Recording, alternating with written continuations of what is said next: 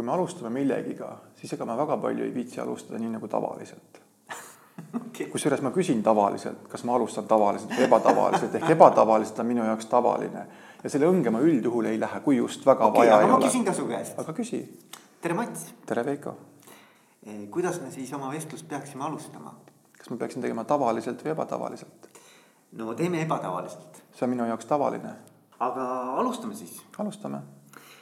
Et noh, mina ütleks niimoodi, et sinuga seostub mulle ja ma arvan väga paljudele, kes Mhm. siin kuulajad on äh, kindlasti just nimelt Belbini meeskonnatöö nii-öelda rollid. nii ta on.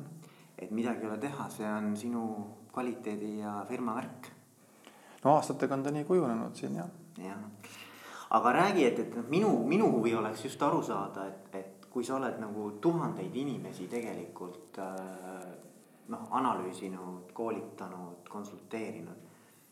ma, ma ei eksi, eks ju, tuhandeid ma arvan, et vist võib juba öelda kümme tuhat ka ja julgelt. või kümme tuhat, noh seda enam, eks ole. kümme tuhat inimest Eestis muidugi tähendab seda, et sa oled, kui meil on kuussada tuhat äh, tööealist, sa oled igat kuutekümmet siis põhimõtteliselt puudutanud. Aga siit ongi hea küsida, ütle mulle, mis asi see on siis, mida sa nagu õpetad, et, et kui kui me räägime nagu meeskonnatööst, et mis on nagu see meeskonnatöö, noh just juhtimise vaates, et et mis see meeskonnatöö iva on, et mis, mis siis on selle nii keerulist, et peab siis inimesi nagu selles õpetama? ja see, mida me teeme, et ühelt poolt tekiks ühesugune arusaamine olulistel teemadel, kes me oleme, mida me teeme, kuidas meid kasutada ja nüüd tuleb see inimese teema ehk just, et kuidas kasutada, kuidas rakendada neid inimesi, kes meil olemas on mm. -hmm. et kui noh, üldiselt me õpetame näiteks no juhtimise puhul see kuulus klassikaline teemingi diagramm, et sul on eesmärk, sul on plaan, sul on organiseerida vaja, siis tuleb kontrollida, siis motiveeri ja nüansid sinna juurde, ilus aga kui hakata reaalseid inimesi vaatama, siis me oleme ikka üllatavalt erinevad. Et kuidas seda reaalset materjali kasutada ja see on ka üks põhjus, miks me oleme koostöö kunstikool, mitte lihtsalt koolitusfirma. ehk siis ei ole sugugi raske õpi-, õpetada või õppida ära selgeks mudelid, laused, motiveerimine, aga kuidas seda kõike kasutada niimoodi, et see olemasolevat materjali niimoodi mõistlikult kasutada, see tõesti hea tulemus tuleb. kui sa neid fotosid vaatad, oletame, et need on fotod, eks ole, oletame, et tegemist on maaliga õlivärvidega. küsi kunstniku käest, et milliseid värve ta segas kokku, et saada just nimelt selline taevasinine, paluks milligrammi täpsusega. sa ei saa vastust. tal on palett, paleti peal on kogus värve, ta võtab need värvid, ta midagi segab, ma ei ole kunstnik muideks, ma küll fotosid teen palju. ja ta teeb täpselt oma tunde järgi nii kaua, kuni ta näeb, et see on see, mida ma tahtsin sinna saada. aga sama on laias laastus inimestega, eks see meeskonna teatud mõttes nagu värvipalett on eks see, mida me siis õpetame, ongi aru saada oma inimestest, nende tugevusest, nende nõrkust, nende see sisemine võimekus ja, ja luua selline käitumise keskkond, et nad tõepoolest saaksid panustada. mis see kõige keerulisem selle juures on, mis, mis on sinu nagu kogemuste põhjal nagu, mis, mis, mis teeb selle nii keerukaks?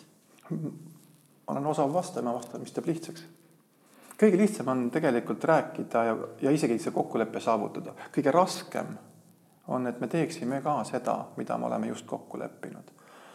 osalt on selle taga, et meil ongi nii erinev arusaamine, meil on erinevad põhimõtted. kui nüüd keegi kuskilt tuleb mingi uue infoga, ei ole midagi uut kokku leppinud, siis puhtinimlikult see harjumus ei muutu.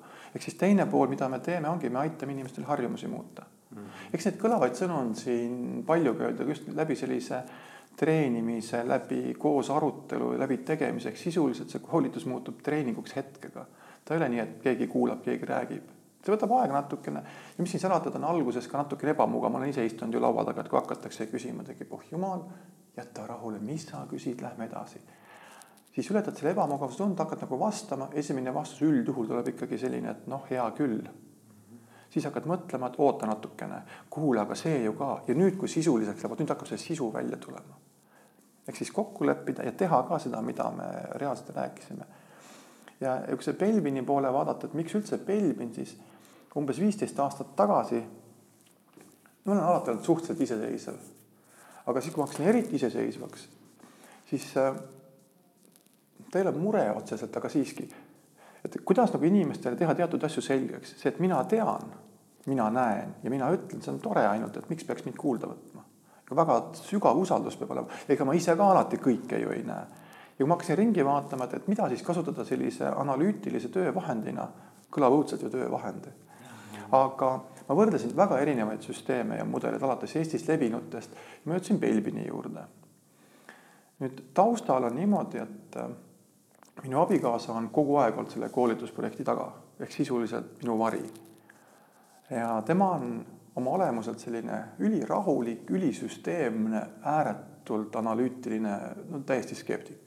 Mina väidan, et see on positiivne tunnus mm, -hmm. aga kahjuks väga paljud ei oska skeptikuid kasutada mm. -hmm. nii et, et kas sinu väide on tegelikult nagu, mida sa tahad praegu parafraseerides öelda, on see, et ükskõik milline see noh, halb sõna materjal mm -hmm. sul meeskonnas on. et tegelikkuses on võimalik juhina sul kõike seda panna nii-öelda enda ja meeskonna tulemusteni muidugi on. jätame välja korraks selle väärtushinnangute teema, sest seda, see on keeruline ka laiem, et kui inimene ikkagi on selles mõttes inimlik, ta tõesti tahab ja väärtushinnangud on paigas seda ma otseselt selles et noh, et ütleme, väärtushinnangud on sellised asjad, mida sa nagu, mis ütleme, on niisugune given jah, sel, selles mõttes nagu, et seda me ei muuda, et noh, neid asju me tegelikult nagu keeruline. aga mida me saame muuta, oluliselt ongi suhtumist inimestesse ehk nendesse inimestesse, kes on muidugi kunagi hiljem, ma ei tea, kümnes katse, kahekümnes katse, kui ikka mitte kuidagi ei klapi, no siis tuleb lahku minna. Mm.. ebamugav. Ähm, üldsegi mitte meeldiv tegevus, aga tuleb lahti minna, aga teistpidi, kui sa hakkad vaatama, mis seal taga on, ehk sama see skeptiku näide, kui võrrelda, ma ütleks päris hea võrdlus on näiteks piipar. oletame, et sa reede õhtul, nüüd tuleb suur püha, eks ole, kutsud ja. sõbrad külla, ostad sellist väga head veisefileed ja kasutad pipartsoolu, aga kogemata, nii et ise ei märka, läheb segamini, võtad musta pipra asemel kajenni-pipart. tuleb sõber, lõikab, hammustab, see on nii piparane, et süüa ei saa kes on süüdi, külaline, liha, pipar, kokk? no kokk ikka. ahah, kogemus lööb välja. aga Eestis süüdistatakse kõigepealt külalist, miks sa siis võtad seda liha mm., siis süüdistavad liha, sest liha on ju pipar, mm. piprane, siis jõuavad, et pipar on paha mm.. aga ma olen nõus, see on ju koka viga ju mm.. nüüd kujuta ette, et seesama skeptilisus, kui üks tunnus on pipar. see on ülioluline, see on väga positiivne tunnus sest noh, ilma selleta meeskond, ma ei taha öelda, et ta on mõttetu, aga nii mõnigi asi muutub keeruliseks ja minu ülesanne ongi üles leida, kust kohas on see pipar. kui vürtsikas see pipar on, kuidas seda rakendada, millal seda rakendada, millal kasutada, millal öelda, et ole hea, et hetkel on tegemist vahukoore-tordiga. Mm, ära tule siia. nüüd ole hea, astu ligi ja, ja ma tõlgin selle küll leebemalt küll jõulisemalt, küll kavalusega, küll otse, aga ma tõlgin selle ära meeskonna jaoks kasulikuks, eriti juhtidele. ehk sisuliselt juhil kui tal juhtumis ei ole sellist tugevat analüütilist, ratsionaalset skeptilisust, siis leida keegi, kes on. üks teema, mis jookseb läbi väga erinevatest meie usalduse teema ja ma ei räägi tavapärasest inimlikust usaldusest, vaid ikkagi sellisest tipptasemel usaldusest. räägi mulle, see on, see on väga huvitav, mis on sinu jaoks selline tipptasemel usaldus, mis, mis, mida, mida, mida see iseloomustab? Äh, nüüd ma tulen tagasi eelmise küsimuse vastamata küsimuse juurde, kus ma rääkisin, et minu kaasa on skeptik ma jõudsin Belbinini, ma avastasin, et see on ülihuvitav, ehk ta lahendab ära teatud probleemid, mida ükski teine psühhomeetria pole suutnud lahendada. kõige lihtsam näide ekstravertsus, introvertsus. nüüd lõpuks on hakatud ka rääkima, et kuule, päris nii ei ole. ekstravertide, ekstraverdid on hakanud maailma mõjutama nii tugevalt, et räägivad, ekstravertsus on umbes niimoodi, aga nad kasutavad teisi sõnu. vaene introvert, jätke see introvert tahule aga mis selgub, kõik ei ole muideks üks või teine, on terve hulk inimesi, kes on mõlemad näiteks mina. ja ma olen hästi palju neid leidnud. üks mõõdik näitab, viskab minu ekstravertsuse skaalal noh, praktiliselt maksimumi, ma olen nõus. enamikult nähaksegi minu koolitust kui minu ekstravertne pool. aga kui ma istun oma sugulastega või oma sõpradega külas, siis väga tihti ma istungi diivani nurgas, mul on sõber külas. naised räägivad juttu, me vaatame telekat, nii et isegi telekat ei näe, siis lased silma kinni, ehmatad, teed silmad lahvatad, sõber istub kõrval. aga kõik on ju hästi, miks ma peaksin üldse sõnu kasutama ekstravert siis või ei ole. ja, ja see, see on üks näide, kus sellised vastandlikud tunnused on sees sisuliselt, mida ka Belvin väidab, et äh, seesama, see nii-öelda isiksuse tunnus, see sinu, see geneetiliselt kuskilt mingisugune see pool, psühhomeetria sisuliselt, ta küll kirjeldab, aga mitte lõplikult ja mitte kõike. ja Belvin, mina vaatasin, et kirjeldab ära, okei okay,, nüüd jõuame naiseni. Tavaliselt on niimoodi, et kui mina avastan, et kuule, teeme koolitusega niimoodi, teeme seda, tead, see on nii äge, siis enamasti ütleb see, niimoodi pole mõtet, see ei toimi, ära tee, rikud ära, ehk selline hea klassikaline kriitik mul. mis siin salata, eks ta natukene ärritab, aga ma tean, et tal on hea mõte taga. rahunen maha, tõusen järgmine päev üles, võib-olla nädala pärast ja ma tunnen, pagan, jälle oli tal õigus mm. -hmm kui ma jõudsin Belbinini, siis ma valmistasin ennast ette, vist elus esimest korda oma naisega suheldes mida, miks, kustkohast, alternatiivi, ma olin tõsiselt ette valmistunud ja rääkisin, kuule, tead, vaata, et sihuke lugu, et ma nüüd leidsin sellise asja nagu Belbin, meeskonnarollid, team roles. ma sain talle rääkida võib-olla minuti, võib-olla poolteist, ma ei mäleta, aga ma ei jõudnud sissejuhatuses just väga kaugele enda arvates. ja siis minu naine, kes on enamikele asjadele öelnud, et ära tee, ütleb mulle, mine tee see ruttu ära siis mul jooksis juhe kokku, ma mäletan seda nii hästi, et küll pigem emotsiooni kui täpseid sõnu, aga et kuidas niimoodi. ta on enamasti kõik minu ägedad mõtted maha teinud ja tal on kahjuks ka õigus olnud valdavalt. et mitte öelda alati õigus, eks ole. ja nüüd ta ütleb mulle, et mine tee see ruttu ära. ja ma ei oska öelda, mis hetk see mul oli, aga mul läks ikka noh, sekundid aega, kui ma saan aru, kui skeptik. kui ta ütleb, et see on hea, mine tee ruttu ära, siis ainukene asi on tee ja vot see on nüüd vastus ka küsimus usaldusele, niimoodi tulebki usaldada. kui sa tead tausta, kui sa tead, mismoodi ta käitub, kui sa tead, et ta on analüütiline, sa ei sea teda kahtluse alla. sa ei kahtlusta teda halvast, sa tead, et see on hea otsus, sa lähed, teed ära. et see kavatsus on alati hea. jaa, maailm muutub, infot on juurde võib-olla vaja, me peame otsust ka täiendada. ehk siis järgmine päev email, kõne ja sisuliselt mul läks umbes aasta aega, pool aastat. ma teadsin, et see on õige, aga siis mul jõudis kohale et ongi õigus. et kuhu ma jõuda tahan, sama usalduse näitega, piisab, kui see skeptik teeb ühe globaalse otsuse aastas, kuus, kvartalis. aga palun ära sea kahtluse alla. aga kas ütleme niimoodi, et kui me tuleme nagu selle skeptiku juurde mm, -hmm. et, et kas siis äh, see tähendab seda, et, et noh, et tema jaoks peab ikkagi olema ju keegi, kes siis reaalselt need asjad ka ära teeb, eks ole. vot antud juhul sama see meie nii-öelda see tandemi osa on ikkagi niimoodi, ta on ka tegutseja ta on võimeline ka teatud asju ära tegema. kui palju roll, erinevaid rolle võib üldse ühes, ühes inimeses olla, kas võib olla ka sihuke orkester? ikkagi mitu on neid rolle, et kui me räägime puhtalt nagu rollipõhiselt, siis Belbin räägib üheksast rollist. ja igalühel ikkagi kaks-kolm on selge. aga see on noh, jällegi see maitseainete võrdluse või värvide võrdlus on väga hea. miks osad süsteemid, ma olen nüüd viisakas, ma ei ütle, millised, aga kui nad võrdlevad inimesi kahel skaalal ainult noh, kokku tuleb neli näiteks või see on väheks ju. ma olen neid kriitikuid ka siit, ma olen noh, selles mõttes ikkagi lugenud ja uurinud, aga kõike ei jõua.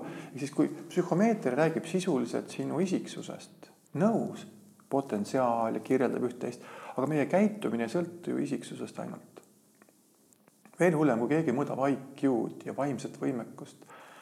see on natukene võib-olla kriitiline, aga kui inimene, kes on töötanud üle kümne aasta tippjuhtkonnas ma tean teda tõesti mingi üle kümne aasta. väga hea juht, ka tehnilises mõttes ja ta on sihuke huvitav, et ta on nii tehnilises kui ka inimeste suhtes mm. -hmm. ja kui ta nüüd kandideerib, ta, ta peab tegema vaimse võimekuse testi, ole hea, ütle palun, mida see number või, või mida see vaimse võimekuse test annaks sulle kui värbajale inimese kohta, kes on töötanud kümme pluss aastat tippjuhtkondades?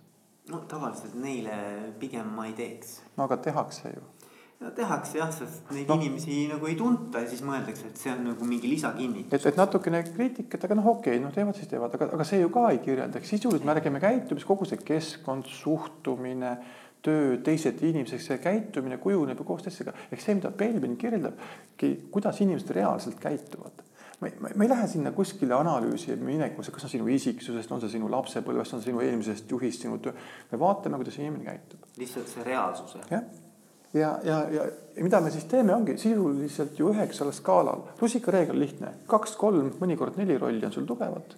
kaks-kolm, mõnikord neli on neid keskel ja üks-kaks-kolm on ka sellised, mida sinus ei ole. ja, ja sealt hakkab nüüd see käitumise pool välja tulema. nüüd teistpidi üks mul hea klient, mul on temaga koos kuidagi selle tsitaadi välja mõtlesime, et Ain on tema nimi. et minu pool oli see, et, et kõige kindlam viis inimeste motivatsioon, entusiasm maha võtta, on anda idee autorile kohustus see idee ellu viia. kommentaariks, kust kohast me võtame selle teadmise, julguse, et idee autor on ka kõige parem ellu viia. reaalsuses on neid inimesi olemas, aga neid on väga vähe. siis Ain naeratas, ütles, tead, veel parem meetod. annad talle kõigepealt äh, kohustus ellu viia, siis annad talle ebareaalne tähtaeg ja pärast süüdista, et ta ei teinud korralikult asja ära. Täiesti garanteeritud motivatsioon on nullis. nüüd sõbralik iroonia, aga meilt tellitakse motivatsioonikoolitusi. nüüd osad inimesed teevad seda täiesti pahatahtmata. sest kuskilt on tulnud, et kui on idee autor, et kaasab, muidugi kaasata. aga ta ei ole kõige parem organiseerija. kui ma võtan lahti selle Belvini profiili seal on väga hästi juba näha, ehk sisuliselt ma tean juba ette, kuidas inimest rakendada, mida temas on, mida temas ei ole. kas see tuleb tema isiksusest, tema tahtest, pole vahet. tema varjatud potentsiaal. ja, ja nii ongi hästi palju selle usalduse taga, et kui ma juba näen ette, kui on ühine asi ajada, sisuliselt ma tean juba, mida oodata, et kui sa mainisid, et sinus on skeptikut mm, -hmm siis ma ei oota absoluutselt kiireid otsuseid, kiireid vastuseid. ma isegi tean juba ette, et kui sa muutud eriti skeptiliseks, küll sa siis küsid küsimusi, mis on sellised, et oh my god mm. -hmm. aga minu asi on vastata, anda info jumala rahulikult ja annan sulle aega kaaluda. ja ma üldse ei muretse mm. -hmm. Aga kujuta ette, kui skeptiku asemel keegi ideede inimene mm. -hmm. kõigiga kaasa, kõik on äge. ja me paneme need inimesed laua taha, nad on nii erinevad ehk kaks häda, mis jooksevad läbi, läbi sellesama selle usaldamise ja kõige muu. ehk ühelt poolt ikkagi liiga palju on meeskondi, kuhu satuvad kokku liiga ühesugused inimesed. tüüpiline juhtkonnad, hästi palju juhtkondi on olnud koolitustel. sest juhid valivad ju tegelikult ikkagi eelkõige nagu oma peegelpilti. Väga palju samas peegelpilte, aga see on üks praktiline pool. Me võtame natukenegi suurema organisatsiooni juba, teatud tüüpi inimesed saavad juhiks, kõik saavad muideks. Aga see kuulus äh, normaaljaotuskõver, eks ole, teatud tüüpi rohkem, teatud tüüpi vähem, erinevad põhjused. nüüd sellised võimekamad, äh, julgemad, enesekindlamad saavad osakondade juhiks. Osakondade juhist saavad, ma ei tea, divisjoni juhid, niimoodi moodustavad võtmeisikute meeskonna. ja nii ongi, eks noh, tüüpiline näide on selline Belbini mõistes kujundaja, kus on üheksast inimesest on viis-kuus väga tugevat kujundajat, otsekohesed julged, enesekindlad, tohutu kärsitud edasiliikujad, kes lahendavad kõiki probleeme tee peal. aga nad on nii energilised, et nad hakkavad teineteist ära sööma, käitumuslik konkurents tekib mm. -hmm. ja sisuliselt, mis juhtub, seesama Belbini kuulus mõiste Apollo sündroom, kus sa paned kokku väga võimekad inimesed lootuses, et nüüd juhtub midagi ägedat, head, midagi ei juhtu. energia kulub kuskile mujale ära üksteisele. jah, ja, ja, ja need ongi liiga sarnased, ehk siis jällegi minu ülesanne ehk näidata, et esiteks punkt üks on hea, punkt kaks on ohtlik. aga vaadake nüüd uuesti, igas inimeses on veel teine roll, kolmas roll, isegi tükk neljandat.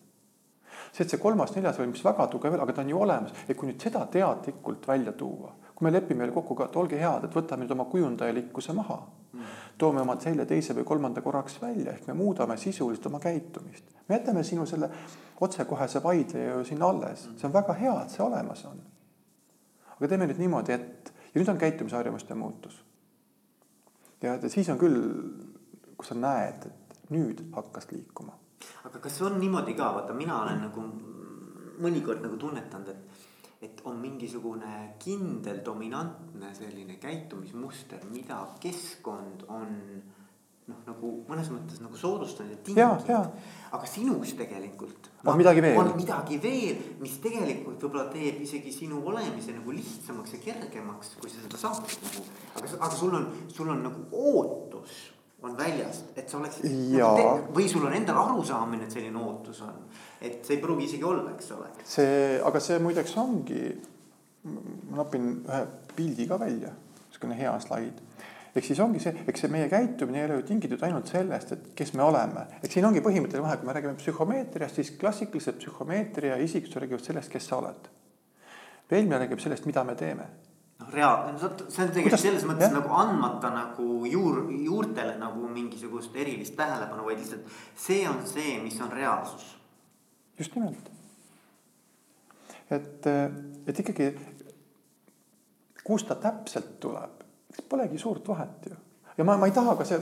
see vahe võib olla, aga see ei ole Belbini jaoks oluline. ei, tegelikult ma ütleksin niimoodi, et miks ta üldse peaks olema, jaa, loomulikult. kui sa tahad muuta, siis on oluline, eks ole. las ma jään oma seisukohale, ma ei taha muuta seal on, ma olen nii palju näinud neid inimesi, kui nad lähevad sinna minevikku ja, ja lapsepõlve. ei, ma isegi jätame selle lapse, see, see võib kohati olla nii valus, nii keeruline, me peame hakkama seda lappima. minule meeldib teha positiivsem pool, vaatame, mis on hetk. okei okay., otsustame ära, see on hea, kõik ja vaatame, mida me edasi teha tahame ilma hakkama otsima, mis on selles head, miks on see kasulik, mis seal veel on, aga mis seal veel kasulik on. ja ka see protsess on teinekord ebamugav, sest ega inimestes enese leidmine on selline mõnikord keerukas. aga needsamad äh, hästi paljud sellised inimeste kirjeldused on tulnud äh, ütleme noh, nad on nii ebamugavalt kirja pandud, nüüd Belvin kirjeldab selle ka ebamugava, aga erilise inimese lahti kasulikul moel. kui ma ütlen, et äh, noh, okei okay,, võtame selle skeptiku ette korra mm, tuim, ratsionaalne, kriitiline, mitte palju rääkiv, karmi olekuga mm -hmm. ja nii edasi mm. -hmm. no siis kirjeldus tuleb selline noh, ütleme nii, et kas nüüd just õudne, aga. kas keegi tahab selle inimesega üldse koos olla, eks? ei, aga mina tahan, sest, aga me kirjeldame, see on see üks väike osa, aga mida mina seal taga näen mm, -hmm. oo, lahe tüüp töötab ainult loogikal ja faktidel, struktuurselt, protsendid, numbrid, kaalud, algkallid, kuule, see tüüp on mõtleja. miks ta vaatab mind nii-öelda jutumärkides kurja näoga, aga sellepärast, et mõtlev inimene, mõtleval inimesel ei ole kohustust kogu aeg naeratada, tal on näojooned, las ta olla. noh, ja olgem ausad, kui sa oled natuke vanemaks muutunud, tulevad ka näojooned. mina vaatan, et oo, mitte kuri nägu, vaid lahe, on vähemalt üks tüüp, kes kuulab siis ta küsib kaks küsimust, mis on nii põhjapanevad küsimused, et lausa hirmutab ära. mina vaatan, oo, kihvt, ta on hakanud asjast aru saama mm. -hmm. ta tahab teada rohkem infot, ma vastan. nüüd küsib veel keerulise küsimuse hmm,. ta näeb alternatiivi. kuule, aga ta ongi äkki analüütik mm. -hmm. nüüd jagame talle infot. keeruline, oo jaa. aga see ongi see, mida mina seal taga näen ja see on see, mida me inimestele õpetame, ehk siis puhtalt seda tõlkimise teemat, eks vaadata seda tugevuste osa. Ja see, mis on Belbini puhul hästi huvitav, just, et see, see nõrkuste pool, esiteks väga selgelt ta ütleb, et ärge palun oma nõrkustega väga palju tegelege, kontrolli all hoida, oo jaa. aga arendada nõrkuseid, jällegi sama selline kergelt humoorikas, minu eripära on see, et ma ei ole maailma kõige parem detaili ja süsteemi inimene. ehk siis Belbini vaates teostaja, viimistlejat, noh, minus eriti ei ole kunagi olnud. nüüd kujutab ette jälle sellist töömotivatsiooni ja nagu Tiina räägib sellest tööõnnest mm. -hmm. ma olin programmeerija, ma olen puhas insener, cum laude, Tehnikaülikool üheksakümmend üks, programmeerija. mulle siiamaani meeldib. ma teen ise oma kodulehe ka. aga parem, kui nad ei tea, kuidas ma teen seda. ja kujuta ette inimene, kes äh, ei ole kõige süsteemsega, märka detaile, on progeja. aga tol ajal käis ikkagi niimoodi, et sa suhtlesid kliendiga, sa mõtlesid välja, sa kodeerisid, testisid ja viisid ka kliendi juurde, hiljem hakkas see jagunemine toimima. ma töötasin üle ennast konkreetselt aga ometi tolleaegne juht avastas, et, et midagi on veel ja mind saadeti kliendi juurde. noh, kui IT-meeskonnas ütled, lähme kliendi juurde, siis. ei keegi taha minna noh, see on veel viisakas, eks ole. ja siis küsivad veel minu käest, aga mis sa teed, see, mina vastasin, et ega ma täpselt ei tea, aga lähme. ehk siis tegelikult selline varjatud potentsiaal, mida oleks Belbini abil ammu juba teada, on see, et, et ma läksin, ma ei tea täpselt, kuidas, aga ma tean, mida. ja ma käigu pealt teen seda ja, ja sealt siis hakkaski arenema, eks ole, juhina tükk aega, tehase juhina, sealt ka see koolitaja pool. ehk sisuliselt sa leiad selle, mis sulle mitte ainult, et ei meeldi, vaid ka peab sobima. aga kuidas sa ära tunned selle? no vot see äratundmine ongi nüüd keeruline, et eh, ühest küljest peaks ju katsetama mm. -hmm. aga kui me nüüd hakkamegi katsetama, et iga poole aasta kohta üks töö ja üks töökoht, siis vaene tööandja, vaene töövõtja. aga mida me Belbiniga teeme, kusjuures nüüd inglastel on ka eraldi get set ehk siis Belbin for young people ta on sama mudel, aga ta on teistmoodi üles ehitatud, need küsimustikud, need vastused on noortepärased. et kui sa tead juba varakult, et sinus ei ole detaili ega süsteemi inimest, siis äkki vaataks. see on nagu karjääri planeerimine. kas see on väga tugev ka karjääri planeerimis. küll aga see lõks on muidugi see, et seesama programmeerija, ehk siis võidakse mulle öelda, et ära mine, mine ikka IT-d õppima. sest minus on väljamõtleja pool ja minus on ülitugev selline testija ja vigade nägija pool. muidugi ma ei näe kõiki vigasid ja ma suudan selle ellu viia. ehk see, mida ma oleksin võinud ju varem teada, seda ongi see, et kus on minu tugevused ja kus on minu nõrkused. Ja tulles selle näite alguse juurde, ehk ma eelmisel sügisel ütlesin kodus ka, et oma kaasale, tead, imelik lugu, aga huvitav, kas vanusega läheb asi hullemaks? Ja kuidagi jube palju teen kirjavigu ja siukseid detaile ei märka ja ta vastas hästi rahulikult ja hästi viisakalt, ära muretse, see ei saa hullemaks minna noh, kaks sekundit mõtled, pagan, siis mõtled, oh pagan. aga mis ma stressan? ja nüüd ongi sama see kunst, ehk siis tõdeda, et ära tegelema selliste lootusetute nõrkustega, hoia need kontrolli all, aga õpi palun abi küsima kolleegilt, kes on sinule vastandiks. noh, mul kaasa ka on tegelikult. ja siis õpi, õpidki needsamad erinevused äh, positiivseks ära tõlkima, ei, mitte tähenärija mida teinekord kahjuks ikka veel halvustavalt öeldakse, vaid inimene, kes märkab kõiki detaile ja kui see töö nõuabki detailsust ja nüüd ongi sama koolituse ja treeningu teema, ehk kuidas kasutada seda inimest, kes on detailiinimene. kuskohast temal tekib liigne stress, kuskohast ta tunneb ennast motiveeritult, kuidas käituda temaga reede enne lõunal niimoodi, et see inimene saaks minna nädalavahetusele hea tundega aga kuidas toime tulla vaidlejaga, kuidas skeptikuga, kuidas ideede inimestega niimoodi, et ta tõesti naudiks oma tööd täiega. ja, ja see käitumise komplekt seal hakkabki nüüd mängima. ehk Belbini mõistes on selline asi nagu lubatud nõrkus. ehk see meeskonna roll kui teatud komplekt käitumisjooni, mis on koos kõik, see on nagu Brežnevi pakike, mäletad kunagi? tahtsid osta ajakiri Looming, said mingisuguse, ma ei mäleta, mis punane jama seal juures oli aga leidlik tuleb olla, mu kadunud isa oli leidlik. loomingu tellis endale ja selle mis iganes kommunistliku partei ajakirja, selle tellis oma sõbrale mm. -hmm. sõber oli pool aastat, peitis silmi ära, tal käib niisugune ajakiri, kust tuleb, ei tea, aga minu isa luges Loomingut mm. -hmm. ta oli loomeinimene selgelt. aga, aga noh, inimese puhul muidugi eraldada nii lihtsalt ei saa ja häda on selles, et kui me hakkame nüüd oma selle meeskonna rolliga kaasnevaid lubatud nõrkusi hirmsasti treenima siis meie tugevused kaovad ära, ehk me saame toreda keskpärase inimese. mitte, et see nüüd otseselt halb oleks, aga tema selline reaalne võimekus ja tema see sära kaob ära. näiteks kui me ideede inimesele õpetame kohutavat ratsionaalsust, analüütilisust, praktilisust, siis tema ideed saavadki olema praktilised, ratsionaalsed. Mhm. aga kuhu jääb säravus? ja veel, kui sa küsisid enne, et mis siis nagu kõige raskem on, et noh, Eestis ikkagi on päris palju meeskondi, kus ideede inimesed on kaduma läinud, alla surutud, võib-olla teadlikult, võib-olla alateadlikult. ja, ja mis on häda, et kui inimesed, ütleme, see ideede inimene tuleb välja mingisuguse suurepärase ideega, siis paku ise, mis on esimene vastus? kuidas reageeritakse? No ma arvan, et kõigepealt võidakse ikkagi leida kümme põhjust, miks see ei toimi, eks mm -hmm. ole, ja siis, kui siis sellest saadakse üle, siis ma arvan, et on järgmine küsimus, et aga kes seda nüüd ellu viima hakkab, eks ole. oh, jõuaks sinnagi, et kes seda ellu viima hakkab üldse. see eitus on nii tugevalt meil veres, niisugune alalhoiu instinkt tuleb, ma saan ka sellest loogikast aru, et ei ole mõtet kaasajasta kõikide mõtetega nõus. aga kui meeskonnas tuleb inimene ideega välja, siis see on kõigest idee, see on ettepanek, arendage ja see inimene tunneb ennast hästi ja siis me leiame, mida teha.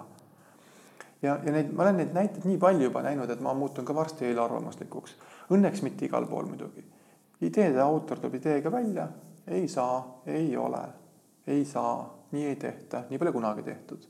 no kolm korda ütled talle. rohkem ei tule. kõik ja nüüd see profiil, kuna jällegi üks Belbini eripära on see, et me ei jää mitte ainult enese arvamuse juurde, enesehinnang, vaid me võtame ka kolleegide tagasiside. hoopis teistsugune on see, aga mudel on taga sama. me paneme kokku, niimoodi me leiamegi sellist varjatud potentsiaali ehk inimese enesehinnangus on olemas üpris kõrgel kohal. aga kolleegid ei näe millegipärast. ja nüüd tuleb see eriti pehme variant, kuidas meeskonnas oleks võimalik käituda niimoodi, et see inimene saaks rakendada oma loomupärast võimekust, mis on teisel-kolmandal kohal ja niimoodi me leiame juhtide jaoks eriti oluline, et selliseid inimesi, kus see potentsiaal on kõik olemas, ole hea, rahulikult too välja, aita, toeta, julgusta, aga hoia teisi tagasi sobival hetkel. Mm.. Needsamad skeptikud, kriitikud, need võib üles leida. ta, ta, skeptik on nii rahulik inimene, et ta ei pea üldse oluliseks suhtlemist ju. ta analüüsib, ta mõtleb, ta vaatab. Ja kui sa ei suuda teda üles leida, kui sa ei taha, ta jääbki kadunuks ju. Mm. Ehk siis meeskonnas on nii palju seda kasutamata potentsiaali, et kui seda hakata märkama, aga noh, ise otsida, küsid, kuidas nagu ära tunda, noh. ütleme niimoodi, et ma ikkagi tunnen ära, ma olen nii palju harjutanud sellega ja ikka ja jälle ma aeg-ajalt eksin. sest see just mitte, mitte sellepärast, et ma eksiks inimese päris olemuses, vaid see, et ma ei suuda näha seda, mis seal veel on, sest me peidame ära selle ta käitub teatud oodatud moel, see keskkond on mõjutanud mingisugusel moel või ta on sattunud natukene valesse kohta ja kui sa lõpuks selle üles leidad, välja tood, siis tekibki. sisuliselt, mida me saame läbi selle meeskonna rollide profiili, kui meil on see eelkokkulepe olemas, et jah, me ajame ühte asja jah, sobime mis iganes kujul. vaata samamoodi, kui nüüd ikkagi HR tuleb ja ütleb juhi, et näed, et siin on valik. väärtushinnangud sobivad, professionaalsus on piisav. valida, nüüd tuleb pelvin mängu. kujuta ette, okei okay,, sama lugu, eks ole, mina. ehk siis teostaja, viimistleja mina ei ole. ja nüüd on vaja näiteks, sa olid Eesti Energias. Elionis, okei okay,, võtame Elioni näiteks, appi, nüüd on Telia kas sa oleksid nõus minusugust inimest võtma Teliasse palgaarvestajaks? detaile väga ei märka, kuigi ma märkan, eks ole, pingutan, väga süsteemne ei ole, kuigi ma saan hakkama. no keeruline jah. See on väga viisakalt öeldud, see ongi keeruline, ehk ma võin teatud piirini pingutada. kui sa, jah, kui sa, kui sa aga... ennast, kui sa fookuse tähelepanu nendele asjadele paned, siis ilmselt saad hakkama, eks ole. mõnda aega kindlasti. ja see muudab sind väga frust-, noh, see tekitab nimelt. sinus nagu energiakao, eks ole. ehk mida me Pelviniga teeme, ongi see, me hakkame vaatama nüüd, kuidas see inimene sobitub juhiga mm, -hmm. meeskonnaga mm, -hmm. teiste kolleegidega. me otsime vastust küsimusele, kuidas sobib mm. -hmm. lisaks me saame vaadata ka töökohaga, mitte teha absoluutselt jah, ei, vaid just niimoodi, et kui sa vaatad kolme kandidaati, kes siis sobiks antud tööga. mult küsiti, et kes on hea raamatupidaja. ma põrgatasin küsimuse tagasi, ma ei tahtnud vastata, sest ma tean, mida ma vastan niikuinii. ja, ja enamik ütlevad, et peab armastama numbreid ja kõike seda, see on a priori. mina väidan, et hea raamatupidaja on see, kes mõistab klienti, kes suudab kliendiga suhelda mm. -hmm. Ehk siis kasutada kliendi ja tead, mul on nüüd uus raamatupidaja, Kaire nimeline noor tütarlaps ta on, ütleme niimoodi, et ta on ebaharilikult hea. ma sain tema käest poolikud aruanded, pank tahtis aruandeid saada, ma ütlesin pangale, et mul kahjuks selle lõpuni, et uuele süsteemile üleminek on ja kõik. ja pank mulle ütleb ka, et äh, ma ei vaja väga täpseid numbreid, me otsime ainult teatud numbreid ja mu raamatupidaja saatis mulle poolikud aruanded kahes komplektis ta ei jäänud sinna lõksu täpne, kõik numbrid ehk sisuliselt lihtsalt lambist numbrid, kui su bilansi maht on miljon eurot mm. -hmm siis tuhat eurot siia-sinna juhtimisotsuse tegemiseks, mitte mingit vahet ei ole. Ei ole üldse oluline, raamatupidamise kui valdkonna jaoks on ülioluline, loomulikult nõus, müts maha. ehk siis seesama see raamatupidaja, kes suudab kliendiga suhelda, kliendile arusaadavalt, mõistab klienti, tuleb vastu, aga hoiab oma ametistandardit, vot see on hea raamatupidaja. aga nüüd tekibki see olukord, kus kohas kõik ei sobi selleks sama on koolitajaga, sama on direktoritega. mida me räägime Belbini vaates ja koolituste vaates, et palun inimesed, ärge palun ajage segamini ärijuhtimist ja inimeste juhtimist. see on nii erinev. äri on pigem ratsionaalne, süsteemne, praktiline, eesmärgipärane, numbrid, numbrid, tööloogika inimesi niimoodi ei saa juhtida. ja kuhu me jällegi jõuame, on väga vabalt võimalik panna kaks-kolm inimest, kes moodustavad sellise võtmeisikute grupi. loomulikult lõplik vastutus jääb juhile aga iga juht saab ju endale võtta kõrvale kellegi analüütiku, kui ta ise ei ole või kellegi ideede genereerija no,. kompenseerimaks, balansseerimaks, eks ole. et kuhu me jõuame, energia läheb oma tugevuste kasutamisse nende arendamise, seal on nii palju tööd nende arendamisega juba, miks sa peaksid nägema vaeva oma nõrkustega, nõrkuste jaoks on sinu kolleeg. kui minule panna pahaks, et ma teen detailides väga palju vigu, see on üsna frustreeriv, ma tean, see ei ole minu tugevus, ma kahjuks teengi mm. -hmm. ei ole vaja mulle hõõruda nina alla asju, mis mul on teada viga aga kui mul on töö, mis eeldab minu nõrkuste kasutamist, kohutav ajakulu, närvikulu, energiakulu, kuidas sa motiveerid inimest? aga inimesed ise ei tea. ma usun, et sa oled kurb, noh, see on ka, ma usun, et sa oled. et äh, see Gallupi uuring, mis uuris seda engagement'i mm, -hmm. mis sõna sina kasutad engagement'i asemel? seal kasutatakse tegelikult kas pühendumus või on see siis mingisugune hõivatus või, või, või selline okay. nagu haaratus no mina kasutan sõna pühendumus mm. -hmm. aga ma mõtlen, see ongi, kuna vaata eesti keeles ju mõistet ei ole, siis hästi paljud kasutavad, aga pühendumise uuringus, kus kohas kaks, ütleme, üks selline ebamugav number on see, et, et maailma keskmine, Eestis oli natukene erinevad andmed, et kolmteist protsenti keskmiselt on need, kes on täiesti pühendunud, kelle pühendumus. ütleme nii, et tipptegijateks, noh, kõiki ei saagi, aga iga üheksa, see on natukene vähe. ja, ja peab vaatama muidugi, kui suur on ettevõte, et kui me räägime sellistest äh, väiksest neli-viis-kuus inimest, noh siis seal ikkagi noh, pooled ikkagi on. aga jällegi ettevõtja mure. ma olen lihtsalt täiega tees, võtan ühe või kaks inimest. kogu see sisseelamine, see õige töö, see võtab aega. aga kui me võtame suuremad juba, ütleme ikkagi kakskümmend pluss, siis paraku kipubki olema niimoodi. hea küll, oletame, et oleks võib-olla kakskümmend, võib-olla kolmkümmend protsenti oleks äge juba. Palju hullem minu jaoks, ütleme niimoodi, et emotsionaalselt on see õudne, aga kakskümmend neli protsenti on need, kes on reaalsed vastutöötajad, aktiivselt välja lülitunud. keskel kuuskümmend millegiga on ju selline noh, nii-öelda tavalised, nad ei ole küll väga pühendunud, aga nad ei ole ka vastu. Nad tulevad tööle umbes selline, noh, töö on töö ja mis seal ikka, mis sa ikka nii väga rõõmustad. teen ära, tiksun ära. No, aga nad teevad korralikult, ega nad halvasti ei tee, mõnikord on mõni probleem. ei, nad teevad täpselt nii palju, et keegi ei virista ei saa. mõnikord ka natukene rohkem muideks no aga, aga ja, aga noh, selles mõttes nad okei okay,, heas mõttes okei okay.. ei noh, tegelikult nad, nemad on nagu backbone, eks ole, nemad on nagu see nii-öelda. aga kujuta ette nüüd, eks ole, sisuliselt iga neljas inimene, iga neljas, iga viies töötab vastu Need on need kavalalt laisad, veeretab töö teiste kallal, lükkab edasi, jätab tegemata, grammigi ei pinguta rohkem kui häda pärast, aga ega nad silma all ju käituvad okei. Okay.. paned tähele, kui seesama lugu, et kui mina istun sinu kõrval tak taksos või tagapingis, sa ju paned turvarihma kinni ja kui mina olen seal, siis sa paned kinni. Ja kui mina olen seal, siis ikka paned kinni. ja kui ma nüüd ükskord enam ei ole seal, vot see ongi sama teema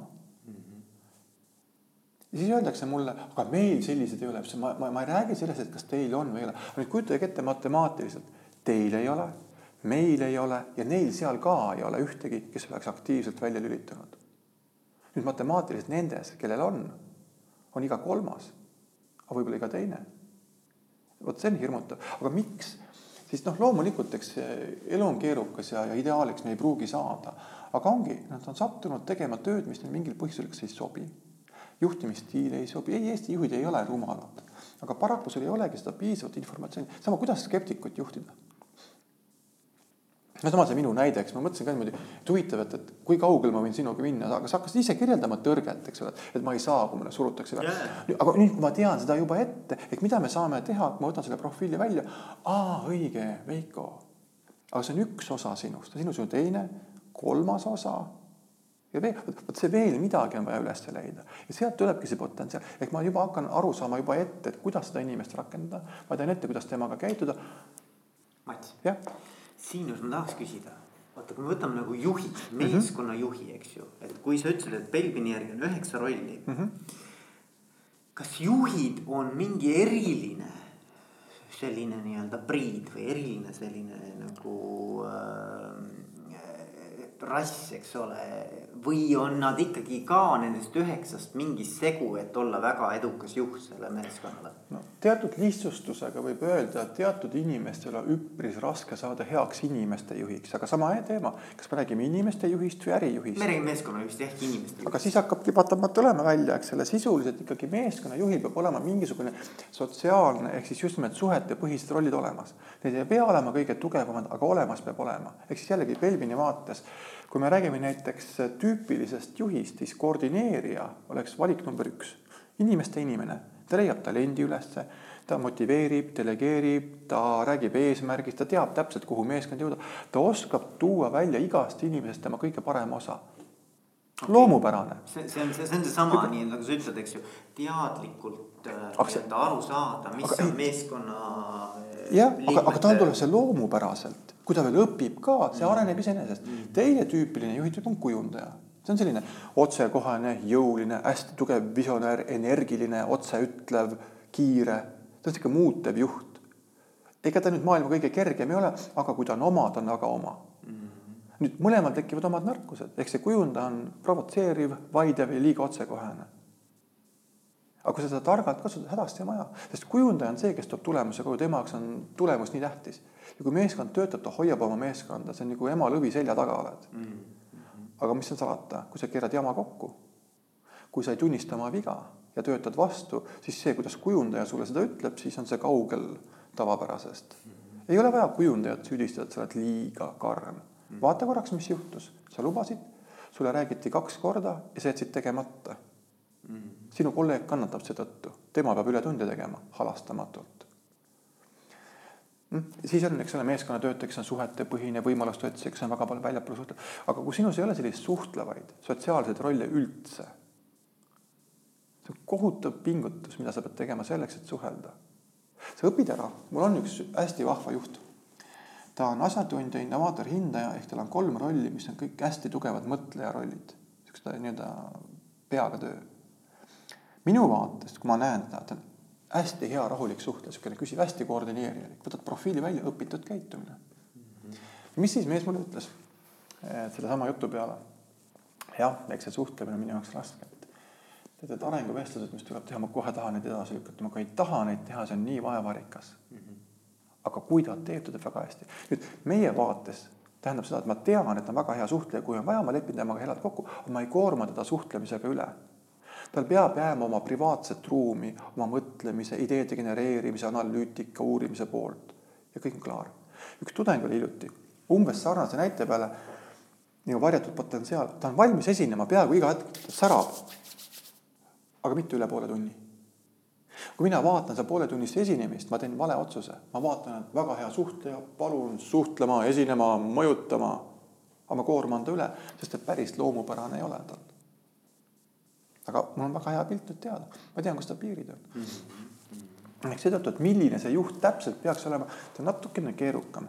aga noh, Belvini mõttes nii nagu sa tegelikult sellele juhile ka selle task'i või, või põhiülesande nagu meeskonnas annad, on, on ikkagi ju äh, see palett seesama värvipalett, millest sa räägid, eks ole, et, et sa pead nagu ikkagi tajuma, sul peab see, see nii-öelda meeskonna tunnetus olema olemas. et äh, õiges situatsioonis õiged inimesed nagu aktiveerida, eks ole. aga mis on huvitav jällegi see, kes nii-öelda ei pruugi sobida alati kõige paremini meeskonna ja inimeste juhiks. ta võib olla kõrval sul nii-öelda number kaks, halliks kardinaliks, kes on just nimelt hoiab silma peal süsteemidel tehniline pool rohkem, eks ole. niisugune ratsionaalne pool, protsessid peavad liikuma, eesmärgid peavad olema paigas, me peame sinna saavutama kõik siuksed detailid, asjad ja neid on päris palju näiteid. aga see on nüüd see vastutuse jagamine mm. -hmm ja see, kui sa küsisid, et mis on see usaldus ehk ongi, et kui ma oma selle võtmeisiku või mitu tükki lausa võtan, et kui süviti ma neid usaldan mm. -hmm. ega otseselt ei tasu ju pahaks panna, kui tuleb äh, organisatsiooni uus juht ja nii-öelda võtab omad kaasa, sest neil juba usaldus toimib. juba, eks ole mm. -hmm. ja, ja meil ikkagi väga ei ole kombeks hakata kiiresti usaldama, küll nendes samades koolitustes on üks hästi läbiv teema, et, et kuidas oluliselt kiiremini hakata inimest usaldama. kuni demonstratiivsete näideteni, ma ehk ma tõestan ära näidetega kokkulepetega, et see on otsuse küsimus. me ju räägime, et tuleb ära suda, mitu puuda soola, ma ei mäletagi. puud soola vist või? mitu puuda soola. ehk siis äh, see on kohutavalt pikk aeg, meil pole seda aega ju. aga me peame eeldama, et on teatud siuksed käitumuslikud kokkulepped, et me rakendame inimest talle sobival moel mm. muideks seesama slaid, mille ma ütlesin välja, see on klassikaline, see, mida Belbini puhul, ehk see on see punkt, millest me räägime. rolli õppimine mm.. aga isiksus, noh muidugi teadvustada, mis potentsiaalsed, aga ma olen nõus. mentaalsed võimed, noh ta niikuinii mõjutab meid, aga see suhtumine, see kogemused, seesama, see noh, vajalik, tähendab väliste piirangutele, see sama meeskond, see töö, kliendi ootus juba, see mingit raamistikku seab mm. -hmm. aga siin me võime ju tõmmata väikse intriigi sõbralikult, kas perekond on ka teatud koostöövorm? no aga äkki siis võtaks perekonna ka ette, äkki vaataks oma kaasat ka sellesama pilgu läbi, et kuule, et aga kuule, aga päris lahe, temas on ju need jooned ju. ma arvan, et see on väga mõistlik. kui oli, me olime nüüd septembri alguses, doktor Belbin sai üheksakümmend eelmisel kevadel mm.. nüüd räägime korra, see on see eluperspektiiv, et miks olla näiteks koolitaja või üleüldse väga huvitavate inimestega kohtuda. doktor Belbin käib tööl iga jumala päev kontoris, ta on üheksakümmend. okei okay,, see on muljetavaldav, ongi okei okay,, noh, nüüd on näha, et ta on tõesti eakas juba, et ikkagi sa tajud ära me läksime golfist enne, siis läksid golfi mängima. ma olen viiskümmend, mul on nelikümmend aastat aega veel harjutada. aga vaata, mis nüüd juhtub, mida me Veiko teha saaksime selleks, et neljakümne aasta pärast lähme niitväljale. okei okay,, noh ilmselt sinagi oled natukene vanem kui täna, eks ole. ja võtame välja golfikepid ja lähme mängima neljakümne aasta pärast mida me täna teha saaksime selleks, et me oleksime olemas neljakümne aasta pärast.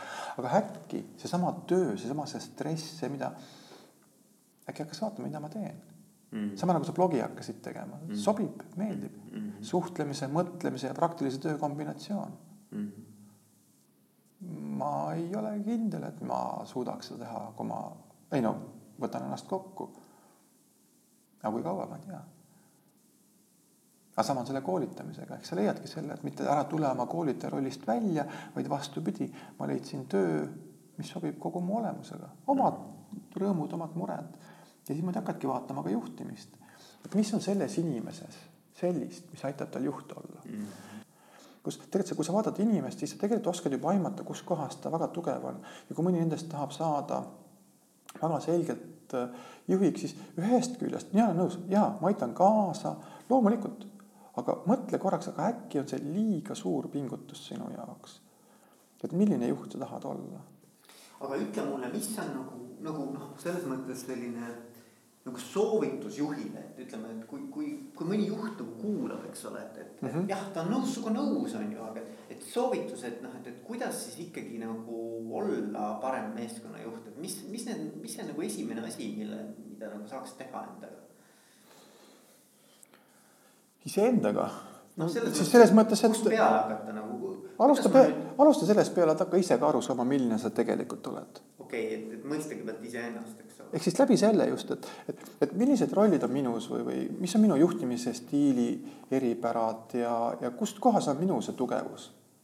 ja nüüd hakka vaatama, et kes on sinu ümber. ehk tõlgi endale ära, miks on üks või teine inimene sinu kui juhi jaoks äh, oluline, meeldiv, kasulik, tugev äh, ja aga nüüd tuleb see kuulus harjumuste muutus teema ka sisse. et noh, see, see inglased ütlevad see golden rule ehk siis tee teistele seda, mida sa tahad, et sulle tehakse, aga see ei toimi ju. see on ilus, see on kena, okei okay,, üldpõhimõtted nõus.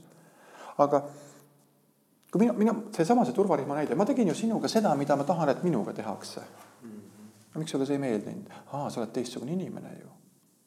oot-oot, ehk siis mida ma öelda tahan juhtidele, tegelikult kõikidele, aga mitte, mitte enda vaadet, tee teistele seda, mida nemad tahavad. mida nemad tahavad mm. -hmm. tüüpiline küsimus, aga kuidas ma seda teen või aga vaata, siin ongi see, miks me räägime, üks on see pelvin, aga teine on see, aga küsida käest mm. -hmm. kuule, mida ma, mida ma saaksin teha, et aidata sul otsustada mm. -hmm. et sa paneksid turvavöö tõesti alati kinni sest vaata, mobiili näppimisega sa ju nõustud, see on hästi samalaadne asi, et, et ma hea meelega aitasin, kui sa räägid mulle, mida ma tegema pean. aga iga kord ju ise ka ei tea. ja nüüd tulebki see minu roll ja see Belvini roll. seesama Gallup ütleb, et kui me suudame tagada selle, et inimesed saavad töö juures enamiku ajast oma tugevusi kasutada teadlikult, siis see pühendumuse vahe on kuus korda okay.. mitte kuus protsenti, mitte kuuskümmend protsenti, sama näide, eks ole, noh mm -hmm minu ülesanne on näidata, kuidas toime tulla. -hmm. jah, see võtab natukene aega, mitte et ei saa, vaid ei oska. aga õpid oskama. jah, ja ma arvan, et selle meeskonna juht peaks olema inimene, kelle jaoks nagu kuidagi vaata, ma ei tea, kas see on see emotsionaalne intelligentsus või mis iganes see kontseptsioon on, et kuidas sa suudad ennast nagu asetada teise inimese saabastesse või, või kingadesse. jah, aga vaata. et, et, et noh, sa ei pea, sa ei pea nagu aru saama täpselt, et mida ta mõtleb ja tunneb, aga sa pead nagu aru saama, mida ta vajab selleks, et see inimene saaks nagu avaneda, eks ole. jah, no kas see on EQ või mitte, siis noh, Belbini vaates üks äh, ärijuht ei olnud ärijuht, on ühesõnaga, nad on seotud ärilises, ütles, ma tean, kes kellele muideks, pärast võin öelda, kes kellele ütles ta ütles niimoodi, et Belbin on isegi sinu programmeerinud inimesi mõistma. Ja muideks seesama minu, minu kaasa, tema ütleb niimoodi, et Belbin sobib väga selgelt hindaja tüüpi inimestele mm.. sest vaata hindaja jaoks kõik see suhted, tead, see ei ole nagu oluline. numbrid, loogika, fakt, otsus, info, info, info, loogika, otsus. mis see suhe siia puutub? kuule, see on, ei ole ju puhkelaager, see on töö ju mm. -hmm. muidugi tema, noh, eks sinus on ju ka midagi veel, eks ole aga nüüd, kui sa võtad selle käitumise komplektideks, sisuliselt kõik mustmiljon käitumisjoont, enamikku me viskame välja, sest et hästi palju on ikkagi sellist, mida ei ole mõistlik üldse selgitama hakata. aga teatud jooned on ju alati komplektis, ehk kui ma tean juba, et ahah, see on ka, see on ka, see on ka, ühe tunnuse järgi ei tohi järeldust teha mm. -hmm. see, et mina olen jutukas, ei tähenda, et ma olen ekstravert, alati mm. -hmm.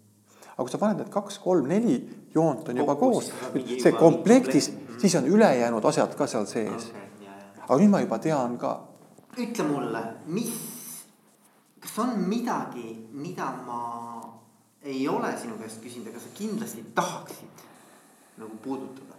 ma tean, üks minu selline igapäevatöö mure ongi see, et päris mitmed inimesed ütlevad, et mulle ei meeldi inimeste liigitamine, mulle ei meeldi sildistamine. mingi aastad tagasi ma hakkasin kohe selle pealt, et see ei ole sildistamine ja see ei ole liigitamine, see on kasulik ja nii edasi. nüüd ma sõnastan teistmoodi oma mõtte. jah, ma sildistan, tegelikult sildistangi, aga vaata, mul on silte, mul on üheksakümmend silti. mul on üheksat värvi, patakad igas värvis on kümme tooni. ma valin sulle üheksa erinevat ja mitte ei sildista selles mõttes, et üks, vaid ma räägingi, et selle ühe ja selle teise, selle kolmanda taga on veel mõned ja iga selle sildi tähendus on terve komplekt et kui inimesed hakkavad seda nagu hoomama, aga mis selle sildistamisega on küll, ehk sama asi, vaata, kui ma nüüd teeksin järelduse, et sa oled skeptik, analüütik, klõps ja löön sind kasti, siis on nii ebaprofessionaalne. kui ma ütlen, et sa oled introvert, ekstrovert, see on ebaprofessionaalne, okei okay,, ta kirjeldab teatud osa loomulikult. et just see, et inimesed hakkaksid nagu eristama, et mis on nagu ikkagi selles nagu tõestatav, et see katse on korratav, et see, et see ongi selles mõttes nagu loodusteadusest üldse tuleb, mitte selline udupuhujate teema aga ma arvan, et siin ongi hea close ida. aitäh sulle. aga tänud sulle, Veiko